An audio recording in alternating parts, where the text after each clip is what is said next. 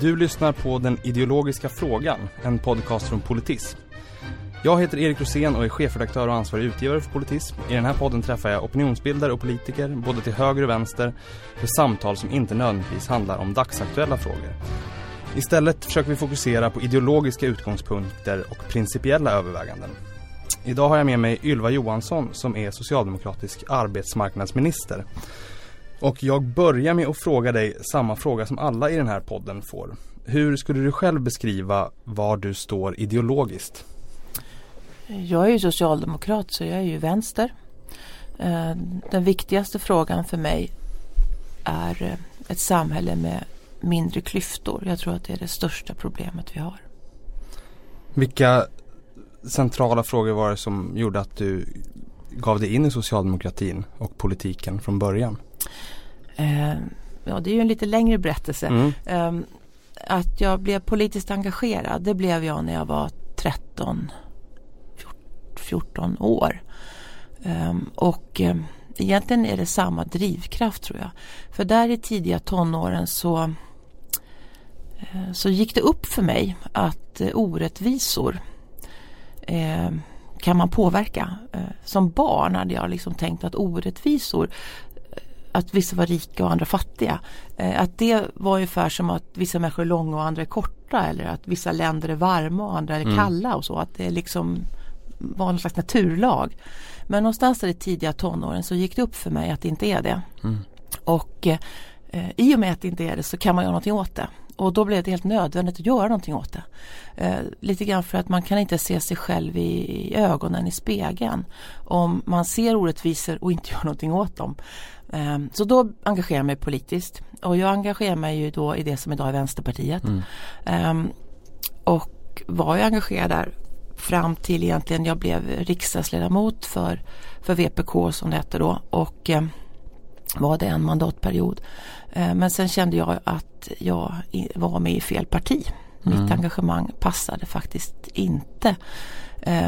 Jag, jag funderade på det. Och, och, då bytte jag ju parti. Mm. Eh, det tog, tog lite stund innan jag gjorde det. Jag lämnade först Vänsterpartiet och var, jobbade fackligt eh, innan jag sen eh, gick över till socialdemokratin. Så det var ju ett annat beslut men mitt, mitt grundengagemang är fortfarande detta. Eh, Skälet till att jag är politiskt aktiv är att jag hatar klyftor och orättvisor.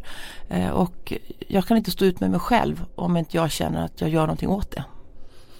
Eh, nej men jag var nyfiken på just att du var eh, vänsterpartist fram till 91 och att du gick över till Socialdemokraterna. Var det att, att du kände att det var fel parti? Handlade det om en ideologisk motsättning mellan Vänsterpartiet och Socialdemokraterna eller handlade det om att det är uppenbart är lättare att få vara med och påverka i Socialdemokraterna? Eller vad var liksom drivkraften där? Eh, nej den sista var det ju inte eftersom jag hade ju en ganska stark ställning i, i VPK på den tiden. Jag var ju riksdagsledamot. Jag var föreslagen som distriktsordförande och jag hade eh, goda möjligheter att påverka. Så att det var ju inte för min egen inflytande. Nej men det kom ut till ett, får man ju ändå säga, ideologiskt vägval för mig. Eh, och när man är aktiv i ett parti på och är ung som jag ju var eh, så ställs det ju inte riktigt på sin spets på det sätt som det gör när man är förtroendevald på heltid som riksdagsledamot. Då, är det ju, då kommer ju det ännu närmare och ännu större eh, för en själv. Mm. Och jag var 24 år när jag blev invald i, i riksdagen för, för VPK.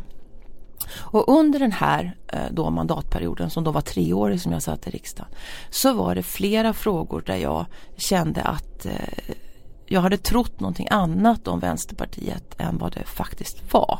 Och det som var avgörande för mig det var tre saker. Det ena var att jag uppfattade att partiet var otroligt populistiskt. Eh, att det var viktigare eh, vad man kunde säga om en fråga än att man faktiskt kunde påverka människors verklighet. Mm. Eh, och med mitt engagemang i detta att jag hatar klyftor, jag måste göra någonting åt det, orättvisor, så var jag så kände jag att jag var på fel plats när det var viktigare att kunna säga jo men vi sa minsann så här eller vi mm. röstade minsann så här. Även om konsekvensen blev att ingenting hände i verkligheten med människors villkor.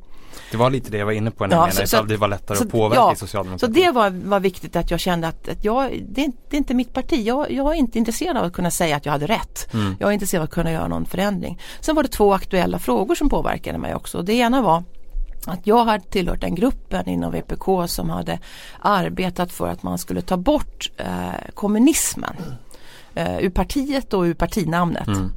Eh, och vi vann eh, den omröstningen, jag tror det var med tre röster på en partikongress. Jag minns inte exakt om det var kanske 90 eller någonting sånt. Och så upplevde jag att det inte egentligen var någon skillnad. Att det mer var en kosmetisk förändring. Att det inte var en, en seriös vilja att på allvar göra upp med, med den typen av strukturer. Jag tycker Vänsterpartiet har förändrats sedan dess ska jag nog ärligt mm. säga. Men, men ja, det var en besvikelse att jag, vi vann omröstningen om namnet men jag tyckte inte vi vann eh, inriktningen i, i partiet. Mm, det. Och det tredje som var viktigt för mig det var att eh, eh, jag tycker att det är viktigt med det europeiska samarbetet. Och när muren föll eh, så kände jag äntligen eh, så kan vi bygga ett, eh, en europeisk union för, för hela Europa. Och att jag tycker självklart att Sverige ska vara med i den och vara med och påverka. Och eh, att så många frågor löser vi bättre gemensamt och även fast det är svårt att påverka EU och ibland håller man ju inte med besluten så, så tycker jag att den politiska nivån behövs. Och det blev väldigt svårt för mig också att det var en viktig skäl att jag, jag ville vara med i ett parti som, som var för europeiskt samarbete. Så de tre frågorna gjorde att jag insåg att, att jag var på fel plats och valde att inte kandidera för en period till. Mm. Och efter det så lämnade jag partiet så jag har aldrig varit vilde eller så. Nej. Eh, och sen kom du då in i socialdemokratin och var ju en del av eh, toppskiktet får man säga i form av att du hade eh, ministeruppdrag under 90-talet och så vidare. Och eh, då var du också med i den processen som kallades socialdemokratins förnyelse. Eh, och som jag tolkar den perioden så var det så att man då såg inte bara socialdemokratin utan överhuvudtaget att man såg att nu skulle politikens roll minska och man accepterade liksom en uppfattning om att marknaden i många fall var bättre och smartare än de folkvalda. Idag och i synnerhet de senaste tio åren efter finanskrisen 2008 upplever jag att pendeln har svängt. Eh, och att det i land efter land betonas politikens roll allt tydligare. Håller du med mig om den beskrivningen eller tycker du att det är en orättvis beskrivning av socialdemokratins 90-tal?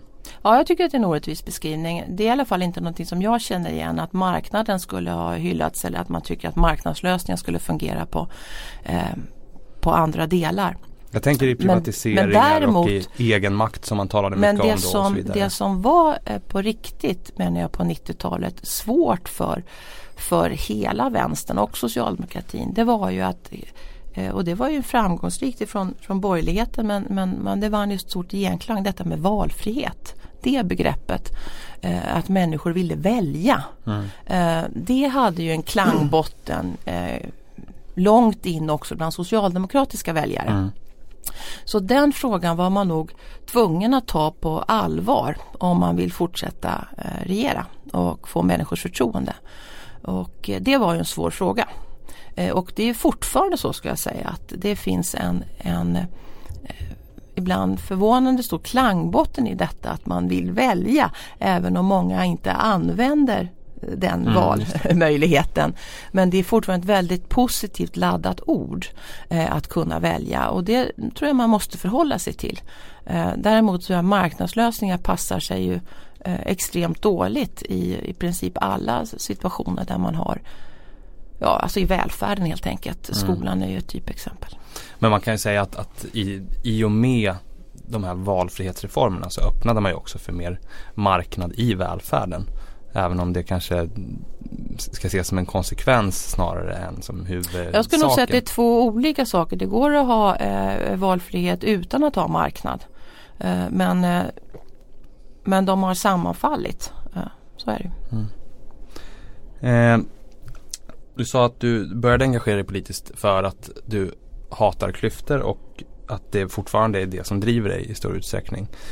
Och apropå det som jag menar att pendeln har svängt efter finanskrisen. Jag tänkte på det som LOs ordförande Karl-Petter Thorvaldsson sa eh, för något år sedan. Att, eh, han, han, var självkritisk och sa att ojämlikheten har drivits på av högerpartier och starka ekonomiska intressen men också att arbetarrörelsen har drivits med av tidens vindar och jag citerar honom här. Över hela Europa har partier till vänster gjort sig skyldiga till att klyftorna har ökat. Även i Sverige, även vi. Jag uppfattar det här som en sann beskrivning. Eh, och du får då protestera om du inte håller med. Men annars vad, vad är det som gjorde att arbetarrörelsen hamnade i en, en politik där man även i maktställning har sett klyftorna öka dramatiskt i Sverige? Man måste ju skilja på vad man eh, aktivt medverkar till och ah, socialdemokratisk politik har ju alltid och det är varje beslut egentligen eh, driver ju fram minskade klyftor. Men däremot finns det ju också andra utvecklingar i samhället som inte är politiskt styrda som driver fram ökade klyftor. Eh, och så att det är inte riktigt rätt att säga att eh, socialdemokratin har drivit fram eller medverkat till ökade klyftor. Det håller inte jag med om. Eh, däremot kan man ju kritisera hur, hur framgångsrikt har man kunnat motverka mm. det som andra krafter driver fram av, av ökade klyftor. Och exempel på sånt som driver fram eh, ökade klyftor det är ju helt enkelt eh, eh rörligheten av kapital. Mm. att det det blir liksom lite schablon, schablonartat att säga globalisering men alltså att vi möjligheten att beskatta och reglera mm. eh, kapital och företag eh, nationellt har ju minskat. Mm. Men kan man möta det med politiken? Jag menar, om man vill gå så långt som till Thomas Piketty så ska man införa en global förmögenhetsskatt och så vidare. Och det vet mm. jag ju, några mm. sådana förslag finns inte hos Socialdemokraterna eller så. Men kan, kan man möta den att, att kapitalet har blivit så rörligt? Ja det tror jag man sätt. kan men man måste eh, Jag tror man kan det och att man måste det. Eh, men det går inte att göra med nationalism. Eh, för det är en bakåtväg som kommer leda till, till mindre resurser totalt för oss. Och exempel på hur man kan göra det är ändå med inom det europeiska samarbetet. Eh, en sån är att vi har jobbat fram det som kallas en social pelare. Alltså ett annat fokus på, också på, på lagstiftning och reglering och mm. Eh, insatser för eh, bättre rättvisa helt enkelt. Eh, för, för människor i Europa. Men man kan också jobba på det på global nivå. Eh, ett sådant exempel är ju att eh, Stefan Löfven har tagit initiativ till det som kallas Global Deal och som jag är väldigt engagerad i också. Där vi nu har med oss ganska många länder och företag och fackliga organisationer. Mm. Eh, och där idén är helt enkelt att lite grann exportera svenska modellen kan man väl säga. Det är lite slarvigt men det handlar om att vi för första gången på länge faktiskt har en global situation där den ekonomiska debatten på global nivå, OECD till exempel och Världsbanken pratar om klyftor som mm. ett problem mm. och, och, att man ser att det leder till eller riskerar leda till populism, protektionism, nationalism och kanske ännu värre saker. Mm. Eh, och att det faktiskt för första gången finns ett läge där man kan eh, kanske inte nå en konsensus men i alla fall ett, ett eh, en överenskommelse om hur man eh, ska jobba för att välståndet kommer alla till del. Det som brukar heta inclusive growth. Mm. Um, så att jag tror att det går att göra. Uh, men att man måste finna nya verktyg för att göra det. Mm. Uh, de, de gamla har ju inte räckt. Men det är ju helt klart att kapitalet rör sig mycket snabbare och uh, innovativare än vad politiken gör. Mm. Ja, nej det är en fascinerande situation där som du nämner OECD och IMF eh, skulle beskrivas som vänsterextrema av svensk höger i den politik ja. de eh, förespråkar just mm. nu. Så det finns ett läge. Ja. Eh, arbetslivet, du är arbetsmarknadsminister och arbetslivet är helt centralt i de flesta människors liv och arbetsmiljöfrågor påverkar i extremt stor utsträckning också hur vi mår på vår fritid. Hur kommer det sig att det är så svårt att få den här diskussionen att hamna i det offentliga samtalets absoluta centrum. Det ligger ju egentligen mycket närmare de flesta människors vardag än väldigt många andra frågor som vi debatterar hela tiden. Ja, vet du, den frågan kan inte jag svara på. Det här vad som hamnar i det offentliga samtalets centrum, det är jag inte rätt person på att svara på. så jag kan svara på vad, vad, vi gör och vad man bör mm. göra eh, för att eh, få bättre arbetsvillkor och bättre arbetsmiljö. Men när vi påverkar samtalet, det är jag sämre på att svara på. Mm. Jag som hade hoppats att du skulle ha en lösning åt mig här. ja, men det är också en, en klassfråga i detta vem som ens påverkar det offentliga samtalet mm. ska man också komma ihåg. Um, därför det är ju väldigt Alltså ta arbetsmiljöfrågorna. Det är så otrolig klass och könsfråga. Därför att de som har den sämsta arbetsmiljön det är arbetarklassen mm. och det är kvinnor också i tjänstemannayrken. Det är framförallt inom eh, offentlig eh, sektor men också mm. andra. Och det är så tydligt hur det är nere på den förra gamla regeringen. De skar ju ner jättemycket på arbetsmiljöfrågorna. Skar ner på, på inspektörerna på Arbetsmiljöverket och la ner hela Arbetslivsinstitutet. Nu har vi börjat upprusta det där, anslå fler på Arbetsmiljöverket, ny arbetsmiljöstrategi, jobba med nollvision mot dödsolyckor. Vi eh, har startat nu en ny myndighet eh, för arbetsmiljökunskap. Och det, vad händer då? Då säger de borgerliga partierna, det ska vi lägga ner om vi mm. vinner. Mm. Alltså det här är en, en maktfråga och det är klart att det är så här, det är en, det är en människa i veckan i Sverige som inte kommer hem från sitt jobb. Mm. En person i veckan. Ja, det är fullkomligt oacceptabelt och, och det är klart att den som Alltså de som påverkar det offentliga samtalet är ju sällan de som riskerar att förolyckas på sitt arbete. Mm. Och likadant så har vi ju jättestora arbetsmiljöproblem med att människor blir utslitna, inte orkar jobba fram till pensionen. Stress och press, det som kallas organisatorisk och social mm. arbetsmiljö, mm. vanligaste arbetssjukdomen bland svenska kvinnor. Mm. Och det är först nu under min mandatperiod som vi har fått fram ett regelverk för detta, nya allmänna föreskrifter på Arbetsmiljöverket. Jag vill gå vidare också införa sanktioner kopplat till så kallat typiskt kvinnliga eh, arbetsmiljöproblem än det som har med stress och press att göra. Så att det här är ju en klass och könsfråga mm. också. Vem som sätter dagordningen eh, i det offentliga samtalet. Ja, jag håller verkligen med och jag tycker också att det ofta när vi diskuterar den senare delen av det du nämner med psykisk ohälsa, stress och press och så vidare så diskuteras det nästan alltid som ett individuellt problem och man gör individuella insatser för den enskilda personen för att det ska mm. bli bättre. Men man pratar inte om hur man... man orkar med. Ja precis.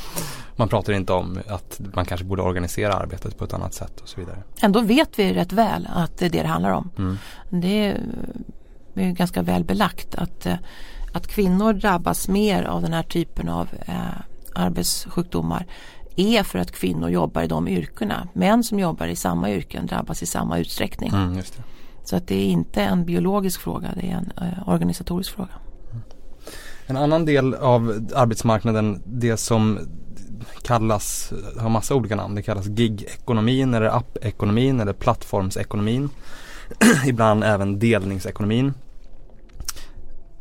När, när, jag har följt det och skrivit om det och läst om det eh, så uppfattar jag den delen av arbetsmarknaden som att det pågår egentligen ett ideologiskt krig där nästan. Det är företag som beskriver sig själva som disruptive eh, som försöker vinna marknadsandelar genom att dumpa villkor och löner och göra i princip hela arbetskraften i företaget att de ska stå utan en riktig anställning. De har obefintliga möjligheter att organisera sig, de har små möjligheter att påverka sin lön i förhandlingar, de har överhuvudtaget extremt lite inflytande över sitt arbetsliv. Och bakom de här står då ofta internationella jättar som med riskkapital går in på nya marknader och medvetet gör enorma förluster i kanske ett decennium bara för att tränga ut de andra aktörerna som har bättre arbetsvillkor och bättre villkor. Kan man, vad, hur, hur, möter man det här politiskt? Man, man möter det förstås med eh, lagar och regelverk. Eh, jag tror man ska inte göra misstaget att säga att eh, gigekonomin om man säger så. Eh, det finns säkert nya sätt att organisera arbetet som också kan vara bra. Jag tycker inte man eh, med automatik ska tro att det blir dåligt för att det kommer nya sätt att organisera arbetet. Eh, det kan säkert samhället förändras och jag tror att Eh, det kommer nya sätt och jag tror att det kommer att vara bra. Men det man måste göra klart för sig är att företag som lever på att till exempel undvika att betala skatt, eh, att ha eh, dåliga arbetsvillkor, att dumpa lönerna. Det finns ju inget dugg modernt i det. Det är ju det gamla arbetslivet. Det är ju det som vi en gång har lämnat och skälet till att vi kunde lämna det gamla arbetslivet bakom oss med farliga, otrygga, dåliga löner, konkurrens mellan arbetare företag som inte betalar skatt. Det var att den samlade arbetarrörelsen, mm. var fackföreningsrörelsen och politiken gemensamt som har klarat av att lämna det arbetslivet bakom oss. Och det är precis samma utmaning vi står i nu. Det är den samlade arbetarrörelsen som återigen kan göra det. Så att det är ett misstag tycker jag att man kopplar ihop nya sätt att organisera arbetet mm. med Eh, att inte betala skatt och ha usla villkor för de anställda. Det finns ingen sån automatisk koppling. Så att eh, det är fara att göra det. Mm. Men jag, jag, är mer nyfiken på det här om man jämför till exempel med, vi har haft konflikter med salladsbarer och allt vad det är historiskt. Och då har det ju ofta varit en arbetsgivare eh, som är ganska liten och där politiken eller fackföreningarna har väldigt stor möjlighet att ta den här fighten. Men just de här enorma globala aktörerna som har ett nästan obegränsat kapital. De har ju en, en agenda att i land efter land gå in och påverka arbetsmarknaden i grunden. Och jag vet att man i New York har man börjat reglera hur eh, Uber och liknande ska få köra, hur stor del av körningarna de får ta. I Berlin så försökte man under en period förbjuda Airbnb helt och så vidare. Jag menar inte att du ska ge ett konkret lagförslag här men jag menar eh, Måste man också möta den typen av aktörer med lagstiftning? Ja det måste man göra men eh, jag tror att också befintlig lagstiftning kan komma ganska långt när den tillämpas. Så behöver man eh, ny så får man väl ta fram det. Däremot tror jag kanske inte så mycket på den här typen av kvoter, hur stor andel Nej. för ett visst företag. Utan, eh, mer så att i Sverige har man ju konstaterat att eh, eh, Uber till exempel är taxiverksamhet och ska beskattas och regleras precis som taxiverksamhet mm. och då faller lite grann av affärsidén för den var just att man inte skulle vara det. Mm. Så att det gäller ju att ha ett regelverk som helt enkelt har ordning och reda på, på arbetsmarknaden.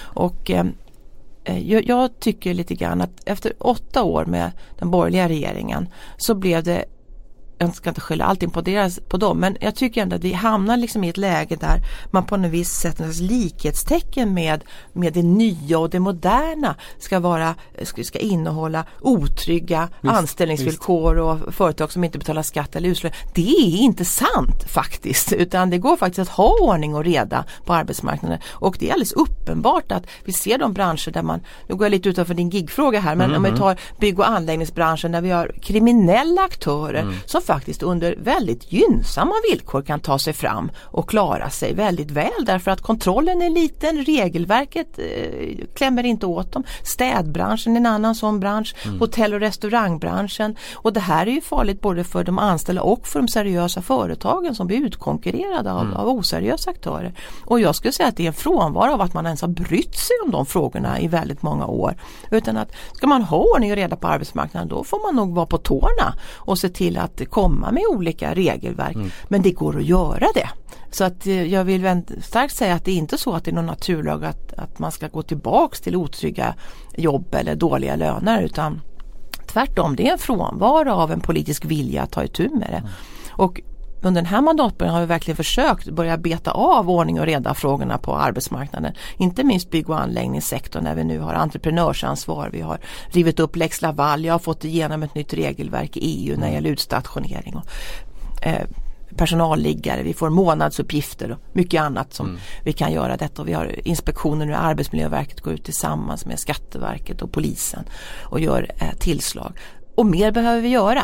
Så att det är väldigt, jag tror det är väldigt farligt, att alltså en likhetstecken i att det ska vara nytt eller modernt. Utan det är gammalt och det är dåligt och vi kommer åt det. Mm.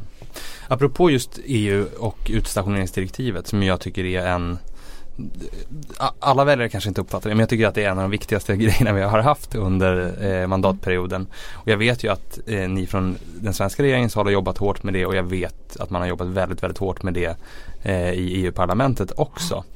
Eh, men jag, jag funderar då kring arbetsmarknadspolitik idag. Eh, det, det är en uppenbar framgång.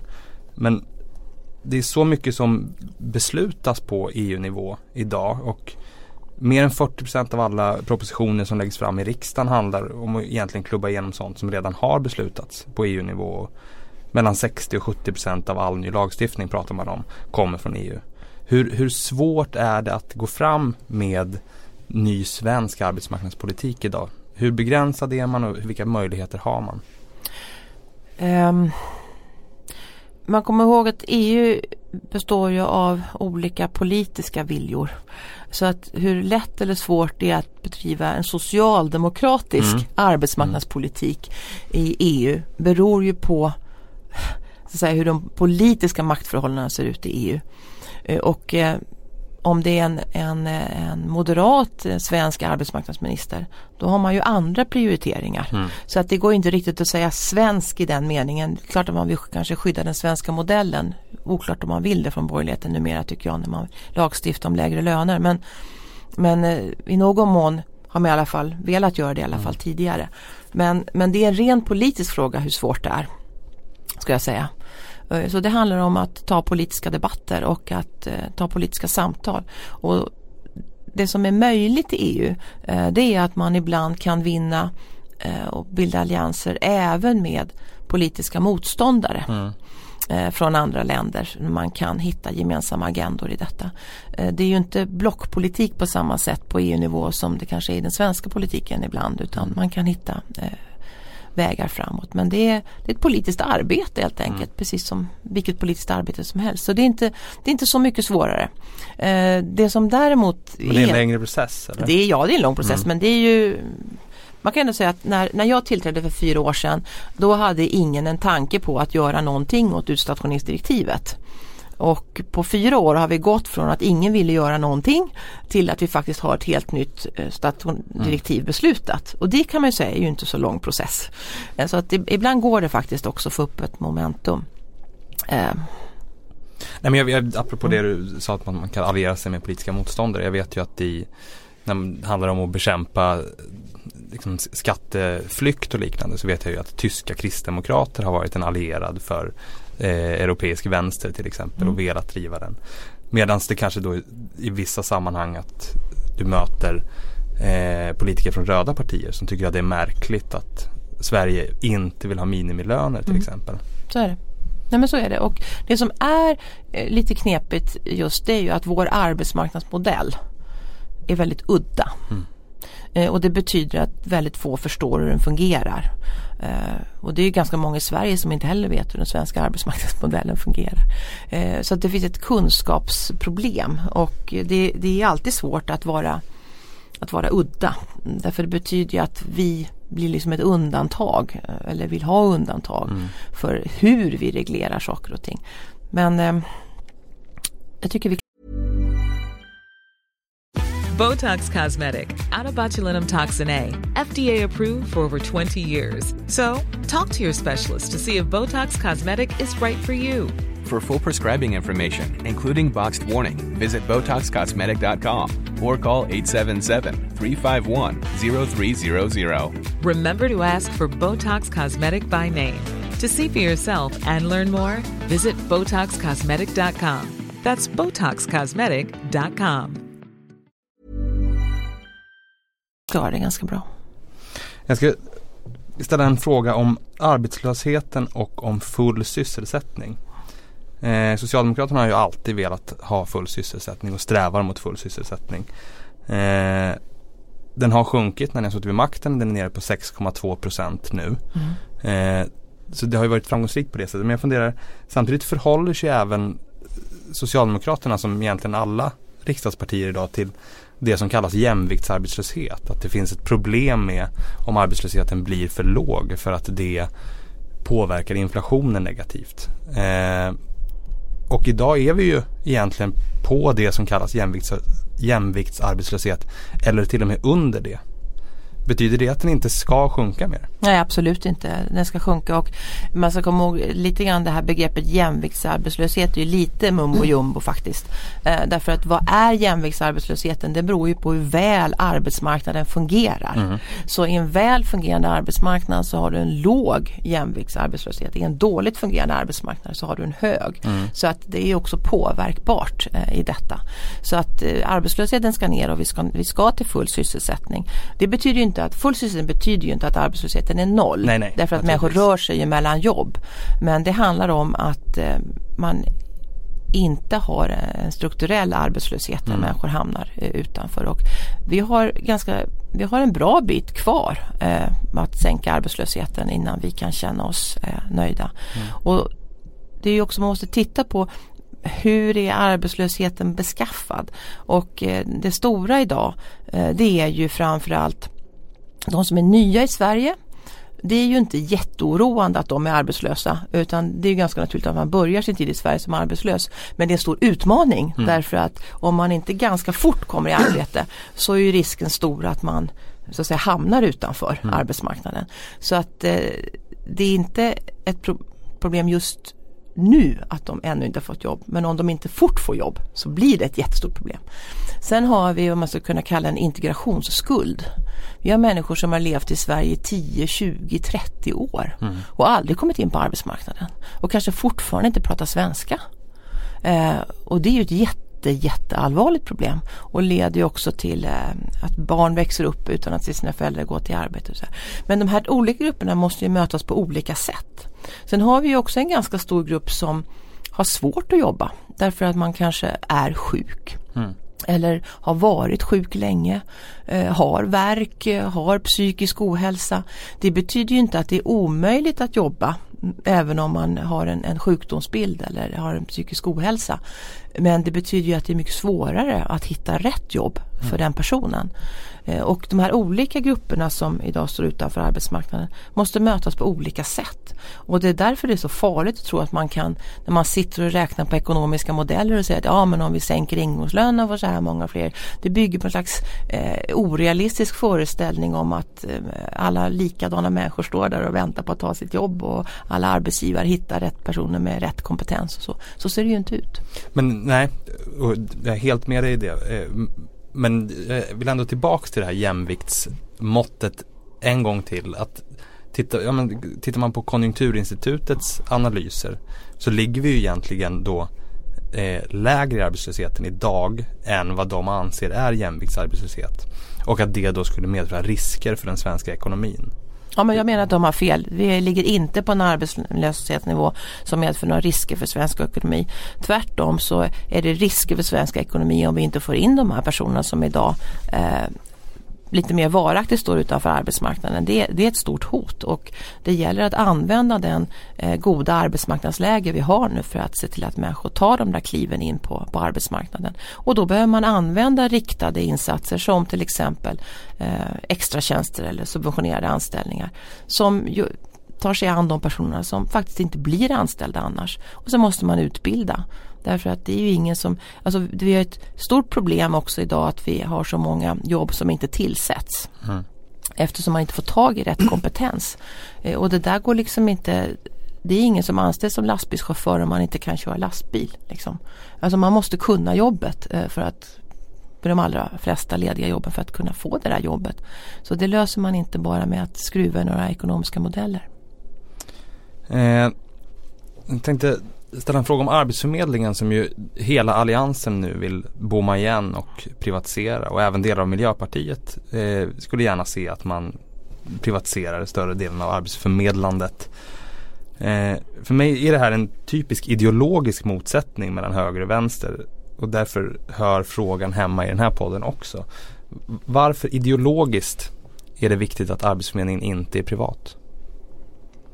Jag ska säga så här, ideologiskt är det viktigt att vi har en aktiv arbetsmarknadspolitik som fungerar och som bidrar till att vi får en väl fungerande arbetsmarknad så att vi kan ha en låg jämviktsarbetslöshet och så att människor, också de som har svårt att få jobb, kan hitta ett arbete men också för att arbetsgivarna kan hitta. Så att Arbetsförmedlingen, vi behöver en bra, vi behöver en bra arbetsmarknadspolitik för att det här ska fungera. Eh, och då behöver man ju någon typ av arbetsförmedling som ansvarar för att verkställa den arbetsmarknadspolitiken. Eh, och då tror jag att eh, om, om, det är det som är viktigt att det ska fungera väl eh, då ska man inte experimentera med eh, för mycket med storskaliga privatiseringsexperiment. Vi har sett när man har gjort det som man gjorde under den borgerliga tiden med etableringslotsar och eh, jobbcoacher och allting. Va? Det blev ju ett enda mess av det där. Skattepengar som bara rusade iväg till oseriösa mm. aktörer och väldigt lite pang för pengarna. Eh, så det, man fick inga goda effekter.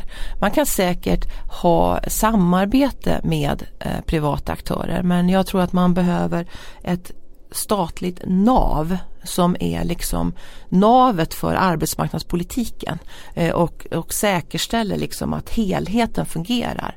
Men sen behöver det statliga navet som är Arbetsförmedlingen eh, ha samarbete med andra. Det kan vara privata aktörer men också med kommunerna skulle jag säga. En jätteviktig aktör i Sverige, inte mm. minst eftersom jag ansvarar för både gymnasieskolan och vuxenutbildningen. Man behöver också ett nära samarbete med parternas omställningsorganisationer som är också en jätteviktig aktör idag idag i Sverige. Så min, mitt ideal är inte att alla jobb alltid ska förmedlas via staten. Det tror jag inte är någon bra målsättning. Det, så, så tror inte jag att man bör ha det. Men däremot behöver man ha en statlig aktör som, som säkerställer hur arbetsmarknadsresurserna mm. används och hur vi säkerställer just det här liksom nätverket av samarbete för att få en väl fungerande arbetsmarknad. Och det är väldigt svårt att se hur man skulle om man säger att man ska privatisera Arbetsförmedlingen och istället ha 200 privata aktörer. Vem ska kommunerna samarbeta med? Mm. Vem ska omställningsorganisationerna samarbeta med? Vart ska eh, IKEA gå när de ska starta ett nytt eh, butik? och vill rekrytera folk. Alltså vem håller ihop det hela? Någon måste göra det och det måste som jag ser det vara staten om syftet är en väl fungerande arbetsmarknad. Så därför misstänker man ibland att syftet när man ser privatisering inte är detta utan att öppna en marknad för aktörerna. Mm, mm. Eh, och om det är det primära eh, då är det, ja det menar jag fel helt enkelt. Utan det primära måste vara en väl fungerande arbetsmarknad. Men däremot tror jag inte på att Arbetsförmedlingen ska ha någon slags monopol på den. På, på att genomföra arbetsmarknadspolitiken. Men någon måste hålla ihop det. Mm. Men vet folk det här tillräckligt väl? Jag tänker att väldigt många uppfattar Arbetsförmedlingen som ett, egentligen ett kontor med en databas över platsannonser och ingenting mer. Att man inte ser kopplingen till arbetsmarknadspolitiken så tydligt. Eh, så tror jag att det är. Kan man göra, vad, vad gör man åt det? Jag vet inte om, alltså det viktiga är ju också att människor tycker att de faktiskt får relevant hjälp mm. när man vänder sig till Arbetsförmedlingen och där finns det, har det funnits och finns fortfarande en berättigad kritik att många inte tycker det. Mm. Eh, resultaten går uppåt eh, och det verkar vara på rätt väg med Arbetsförmedlingen men ja, man måste också ta den kritiken på allvar. Därför att det är en viktig statlig myndighet och när man vänder sig till en statlig myndighet eh, så är det rimligt att kunna ställa krav på att man tycker att man blir bemött på rätt sätt, att man får rätt typ av insatser. Sen får man inte alltid de insatser man eh, önskar sig och så är det förstås, utan det ska ju behovsbedömas. Och det är klart att Arbetsförmedlingen ska också ställa krav. Eh, det tycker inte minst jag som socialdemokrat är viktigt. Jag vill satsa stora pengar på arbetsmarknadspolitiken, mycket insatser, många möjligheter. Men jag vill också ställa krav mm. på individer att man också gör sig anställningsbara, att man deltar. Borgerlig arbetsmarknadspolitik är ju tvärtom. Gör människor fattiga och ge dem också färre möjligheter. Och så hoppas att det löser sig ändå. Det är liksom två sätt. Har man mycket resurser i arbetsmarknadspolitiken och många möjligheter då måste man också vara tydlig med kraven.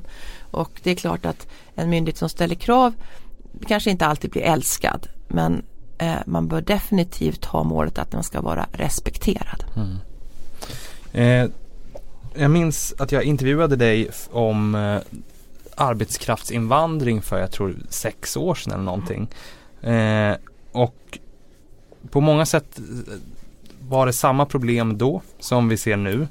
Eh, reglerna har ju under väldigt lång tid nu varit så dåliga att de möjliggjort för oseriösa arbetsgivare att systematiskt utnyttja utländsk arbetskraft. Sen har regeringen vidtagit många åtgärder för att skärpa upp det här. Men problemet kvarstår ju. Mm. Eh, och Självklart vill ni lösa det. Men vad är, vad är nästa steg efter att man har gjort alla de här regleringarna och skärpningarna? Så många skärpningar har vi inte gjort faktiskt utan i grunden har vi fortfarande sedan tio år tillbaka OECDs mest liberala mm. regler för arbetskraftsinvandring och inget land har följt efter oss. kan man också notera. Jag, menar, jag tänker på, ni har pratat om att införa arbetsmarknadsprövning till exempel. Ja, alltså det, det, vad man måste göra är, för jag tror så här, man får ta lite, vi behöver arbetskraftsinvandring mm. i Sverige. Eh, och i en globaliserad ekonomi och rörlighet så är det viktigt att man kan få tag i kompetenser och vi ser en del företag där spetskompetenser är globala nästan och så här, rör sig runt eh, mellan olika företag i världen. Men också bristyrken där vi, man behöver expandera snabbt i någonting och finns inte den kompetensen i Sverige att man då kan eh, hämta den från andra länder. Det är viktigt och det måste gå ganska fort. Men eh, arb den arbetskraftsinvandringsreglering vi har idag i Sverige öppnar ju också för det som inte alls är någon brist utan att man bara ska komma och, och, jobba i Sverige. Och det öppnar för två saker. Dels är det då att det är oseriösa aktörer som kan lura människor och betala eh, höga avgifter för att få det där arbetstillståndet. Man ljuger för myndigheter, man tar personernas pass, de får jobba under nästan slavliknande mm. förhållanden och blir som livegna eh, i i, i den situationen. Det är ju jätteallvarligt. Och det förekommer skulle jag säga bara i de yrken där det inte råder brist. Det är inte IT-ingenjörerna som sover i någons källare. Eh, liksom, utan Nej, det är, ofta är väl själva ja. anledningen till att man rekryterar ja, utländsk det, arbetskraft Det är ju det man kan misstänka. Precis, varför, varför, skulle man annars göra det när det finns personer anställda här? Så det är det ena problemet. Det andra är att man har gjort också, eh, vilket jag tycker är eh, det här att man sneddar över som en annan väg istället för eh, att få asyl i Sverige. Det har också blivit som en andra väg in mm. via arbetskraftsinvandringen. Men är inte ni medansvariga för den utvecklingen också i och med den uppgörelse som ni har gjort?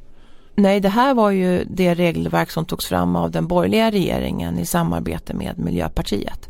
Så den har, vi lever ju fortfarande med det mm, regelverket. Men jag tänkte på migrationsöverenskommelsen som ju förstärkte arbetsgivarens nej, makt. Nej, men inte, inte kopplat till arbetskraftsinvandringen.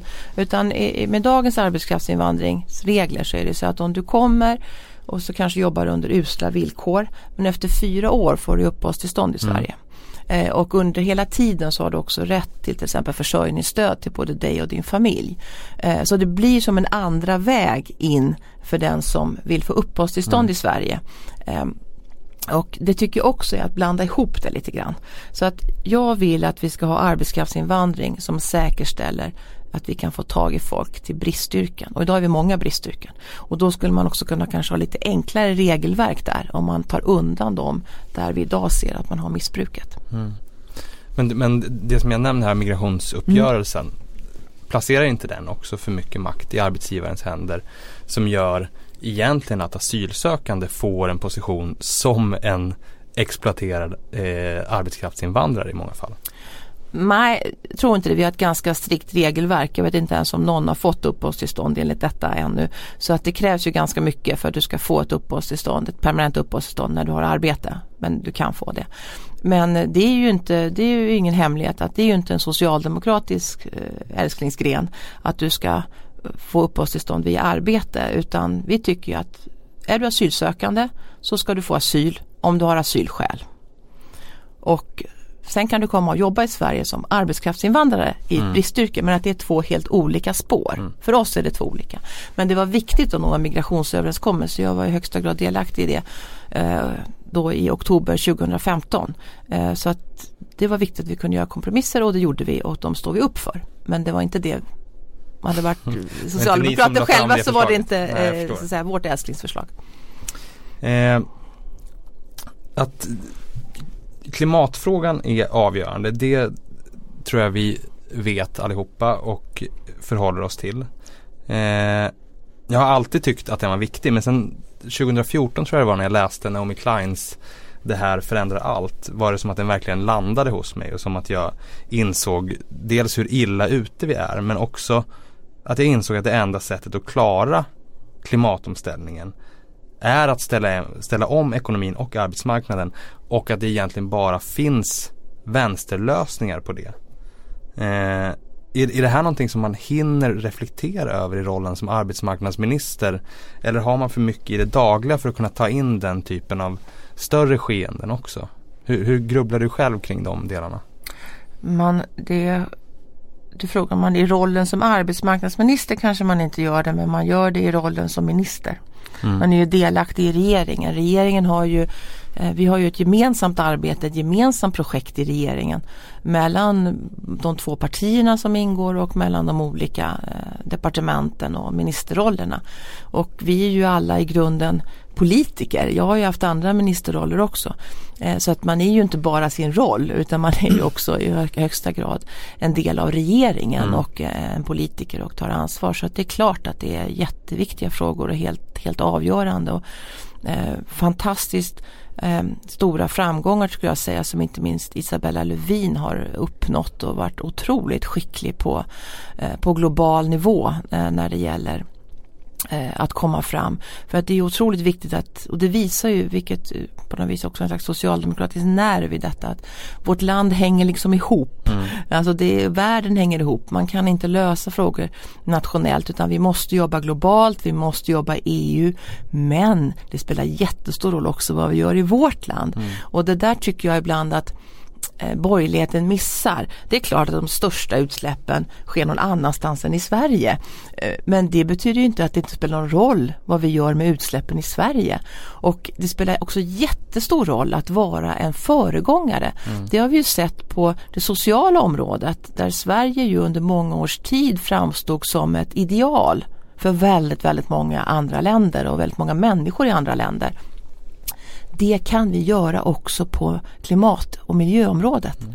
Eh, man skulle kunna säga att jag skulle vilja att Sverige, förutom att vi måste då jobba globalt och, och EU, eh, också att vara att som Sverige skulle vara som en, som en slags permanent världsutställning när det gäller att se eh, vad som funkar. Mm. När det gäller ny teknik, när det gäller omställning, när det gäller att vara faktiskt först.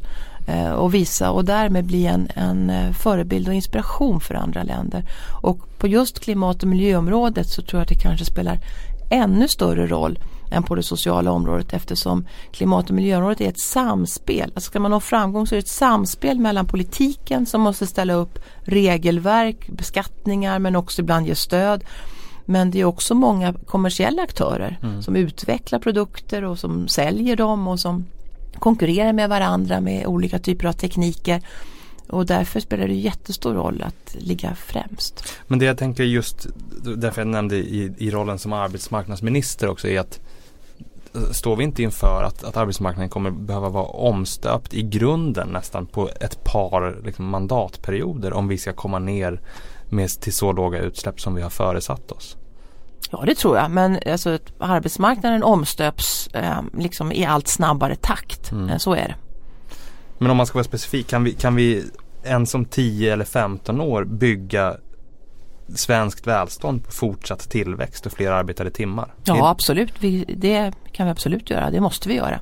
Det, är enda, hur, enda hur är det sättet, det enda sättet att bygga välstånd är ju att människor arbetar. Men hur, hur är fortsatt tillväxt förenligt med klimatomställningen? Ja men att vi måste eh, göra saker, att vi måste eh, arbeta, att vi gör tjänster till varandra, att vi säljer saker till varandra och till andra. Det är klart att det är precis så som du skapar ett välstånd och det är så som mänskligheten alltid har gjort och självklart måste vi göra det. Eh, det är inte alls så att tillväxt måste innebära att vi utnyttjar jordens resurser eller att vi skitar ner eller att vi ehm, påverka klimatet. Det går att göra det klimatsmart och det är därför måste ställa om. Som att man nu ska ha eh, fossilfri stålproduktion till exempel. Mm. Det är ju jättehäftigt. Det går att göra saker och vad vi säljer till varandra och vilka tjänster vi utför. Det är ju det som påverkar eh, mm. klimatet. Men självklart så är det så att vi kommer behöva arbeta också i framtiden. Ja det tror jag också. Men det som oroar mig är ju att vi hittills inte har klarat av att ha tillväxt utan växande utsläpp. Det är bara när vi har haft finanskris som utsläppen har gått ner egentligen. Ja, det har du en poäng eh, i detta. Men lösningen är inte att inte ha tillväxt utan att ställa om tillväxten. Och sen bör man ju också tycker jag eh, fundera på tillväxtmåtten. Alltså mm. hur mäter vi och definierar vi tillväxt? Just det, just det. Eh, där tas ju liksom allt in på tillväxt och det blir ju faktiskt väldigt, väldigt eh, konstigt sätt att räkna och det är ju någonting som också Finansdepartementet tittar på om man kan hitta andra mått på hur vi mäter eh, tillväxten. Med det ska jag tacka dig så hemskt mycket för att du tog dig tid att komma hit. Det var väldigt intressant att lyssna på dig. Tack.